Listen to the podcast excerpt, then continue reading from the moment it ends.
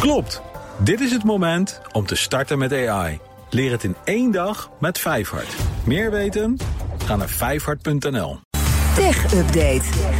En dus gaan we naar Joe van Buurik. Heel snel naar de tech. Elon Musk neemt weer een interessante nieuwe afslag met het besturen van Twitter. De afslag richting uh, nou, niet met auto's. Lemmingen, volg mij, of niet? Is nou, het de afgrond? Richting de blauwe vinkjes, Bas, nieuw. Oh, wat fijn. Ja, daar gaan we weer. Weer een interessante. Want ja, bij Twitter hebben we die algoritmische tijdlijn For You. Waarin allerlei tweets van accounts staan die jij helemaal niet per se volgt. Maar die volgens Twitter interessant voor jou zijn. Mijn techcompaan Ben van den Burg zweert erbij. Ik vind het verschrikkelijk. Doe mij maar gewoon die chronologische tijdlijn met accounts die ik wel zelf volg. Maar Musk heeft nu een manier bedacht om die For You timeline daadwerkelijk goed of nog slechter te maken. Dat zal de tijd moeten uitwijzen. Namelijk door. Uh, alleen nog maar accounts met een blauw vinkje daarin te gaan tonen. Oh, de rest mag niet meer. Nee, precies. En voor de goede orde alleen de blauwe vinkjes van gebruikers die betaald abonnementje Twitter Blue hebben. Want onlangs vernamen we al dat die oude onbetaalde blauwe vinkjes, zoals die van mij, die je gewoon kon krijgen omdat je wilde bewijzen dit is een echt account, per 1 april gaan verdwijnen. Je hebt dan nog wel die gouden en zilveren vinkjes van grote merken en overheden. Die blijven ook in wel in stand en die zouden dan ook in die algoritmische tijdlijn mee moeten. Maar goed, volgens Musk is dit, en ik citeer, de enige realistische manier om te voorkomen dat zwermen geavanceerde AI-robots het overnemen. Nu heeft hij iets gedronken wat niemand. Nou, precies. Maar goed, dit is een soort hyperbal voor het probleem waar hij vooral al jaren last van heeft op Twitter. Namelijk die nep-accounts die hem lastigvallen. Ah. En blijkbaar heeft hij dat dus een half jaar na zijn aantreden nog steeds niet echt weten aan te pakken. Dus dan maar zo, door mensen betaald abonnement aan te smeren, zodat ze vaker getoond gaan worden. Maar ja, volgens de laatste berekening van analisten zijn er nog maar nog niet eens 400.000 betalende gebruikers. Met hoeveel, hoeveel gebruikers waren er van Twitter voordat hij binnenkwam? Uh, überhaupt Twitter. Ja? Uh, nou, dat is min of meer rond de 240 miljoen blijven schommelen volgens de berichten.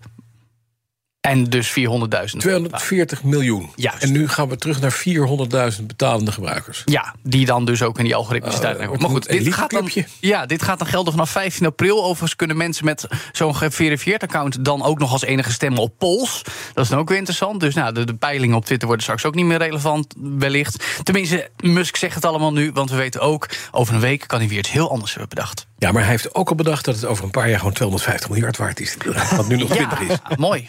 Ja, Jij rijdt dan in een Porsche op e-fuel, toch? Nou, nee. Zonder de motor. Alles elektrisch. Ja, nee. Dus vliegt dan elektrisch rond, denk ik. Over AI gesproken. De Amerikaanse mededingingswaakhond gaat strenger toezien op bedrijven die daarop inzetten, op AI ja, dus. Nou, en dat wordt interessant, want natuurlijk ja. gaan de alarmbellen de laatste tijd af... juist ook bij diverse overheden in de wereld. Want AI is niet alleen een bedreiging voor banen... maar de kaarten qua marktmacht gaan ook opnieuw geschud worden... zoals we zagen met social media. En nu zegt de Federal Trade Commission... bij monden van topvrouw Lina Kaan...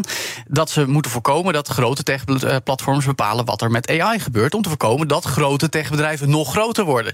Juist omdat machine learning enorm hoeveelheden data aan opslag nodig heeft... moeten we daarvoor waken, zegt Lina Kaan dus... Ze zegt ook dat AI-toepassingen niet mooier voor gedaan mogen worden dan ze daadwerkelijk kunnen waarmaken. Anders zijn de makers aansprakelijk. Eerder deze maand lanceerde de FTC ook al een onderzoek op het gebied van cloud-toepassingen. Dan gaat het vooral om Amazon, Google en Microsoft, de grote drie. Maar nu willen ze dat dus eigenlijk ook met AI gaan doen. Tenminste, dat heeft Kaan aangekondigd. En dan wordt het interessant, Bas. Want we weten allemaal dat Microsoft het hardst uit de startblok geschoten is. Met de miljarden die het in OpenAI stopt. Het bedrijf achter ChatGPT en die tech in de producten van Microsoft. Maar ja, de FTC is nogal druk bezig met een rechtszaak met een overname van Activision Blizzard door Microsoft. Inderdaad. Dan nog even dit. Grote ontslagronde bij Disney al februari aangekondigd hè, door Bob Iger, de terugkerende CEO. Die zei er gaan op termijn 7000 mensen aan. Begint nu echt te komen. Ja, de, in drie ronden geven Amerikaanse media, waaronder Wall Street Journal, aan.